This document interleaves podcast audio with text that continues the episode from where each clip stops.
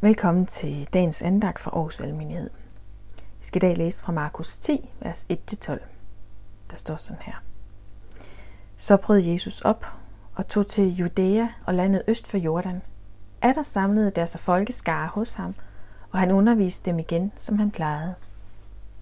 Så kom der nogle fejser, og for at sætte ham på prøve, spurgte de ham, er det tilladt en mand at skille sig fra sin hustru? Han svarede dem, hvad har Moses påbudt jer? Og de sagde, Moses har tilladt manden at skrive et skilsmissebrev og så skille sig fra hende. Jesus sagde til dem, det var med tanke på jeres hårdhjertethed, at han gav jer dette bud. Men fra skabelsens begyndelse skabte Gud dem som mand og kvinde. Derfor skal en mand forlade sin far og mor og binde sig til sin hustru, og de to skal blive et kød. Derfor er de ikke længere to, men et kød. Hvad Gud altså har sammenføjet, må et menneske ikke adskille.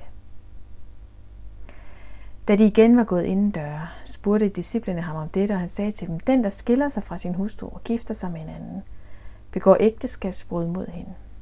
Og hvis hun skiller sig fra sin mand og gifter sig med en anden, begår hun ægteskabsbrud. Vi møder da Jesus, og han underviste, som han plejede, står der. Der var store folkeskar omkring ham, og farisæerne var der også, og de forsøgte igen at stille en fælde for Jesus, så, så de kunne anklage ham og lukke munden på ham. Motivet af at ønske at fange Jesus i at tale mod loven. De stillede et spørgsmål om skilsmisse. Må en mand skille sig fra sin hustru? Men Jesus han, han svarer ikke lige i første omgang et meget entydigt ja eller nej, men han pakker tilbage til skabelsen og til Guds gode intention med køn og med ægteskab. To skal blive til et. En mand og en kvinde finder sammen i et livslangt forhold, i en pagt. I gensidighed, det er udgangspunktet, det er idealt tilstanden. Det er skabelsesordningen. Og så ved vi jo også alle sammen godt, at det langt fra er sådan, at det i praksis går.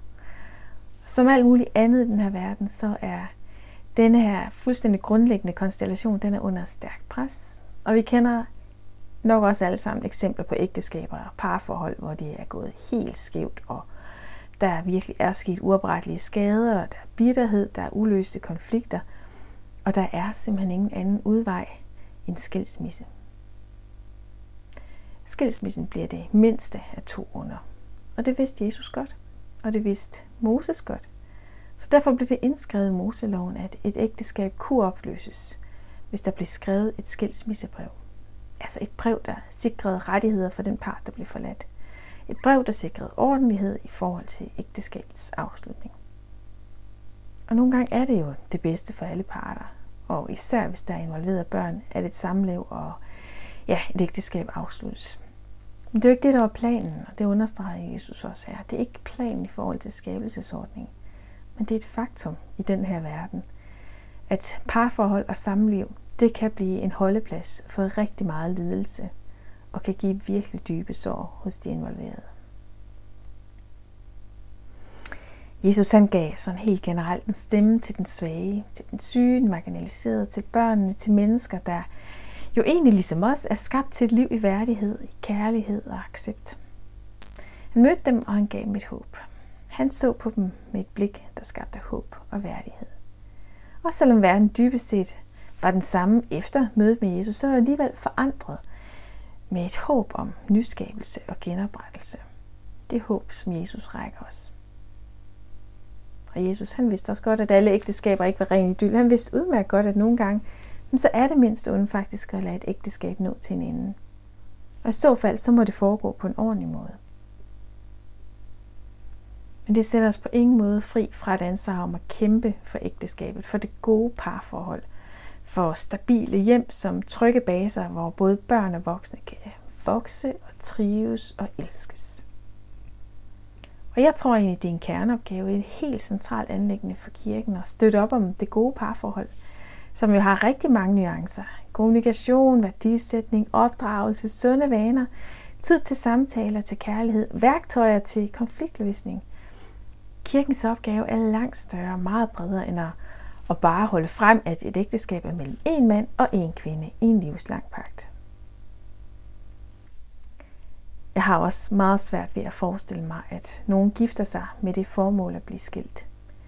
Skilsmisse er en alvorlig handling, og det trækker et dybt spor både i de direkte og indirekte involverede personer. Og jeg tror, at noget af forklaringen på, at det gør så ondt, det er, at det faktisk er en handling, der helt fundamentalt går imod den ramme, som Gud har skabt os til at leve i. Jesus, han mødte mennesker lige der, hvor de var. De skulle ikke først bestå en ordentlighedseksamen, før de kunne tale med ham. De skulle ikke først have orden i alle livets forhold. Jesus mødte dem bare, som de var. Og Jesus møder os, som vi er. Sådan må vi også komme de mennesker i møde, som Gud sender på vores vej. Vi er sat i verden for at elske, ikke dømme. Skilt eller fraskilt.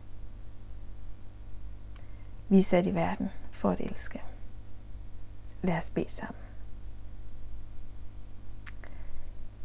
Himmelske far, vi takker dig for den gode ramme, du har sat omkring parforholdet med ægteskabet.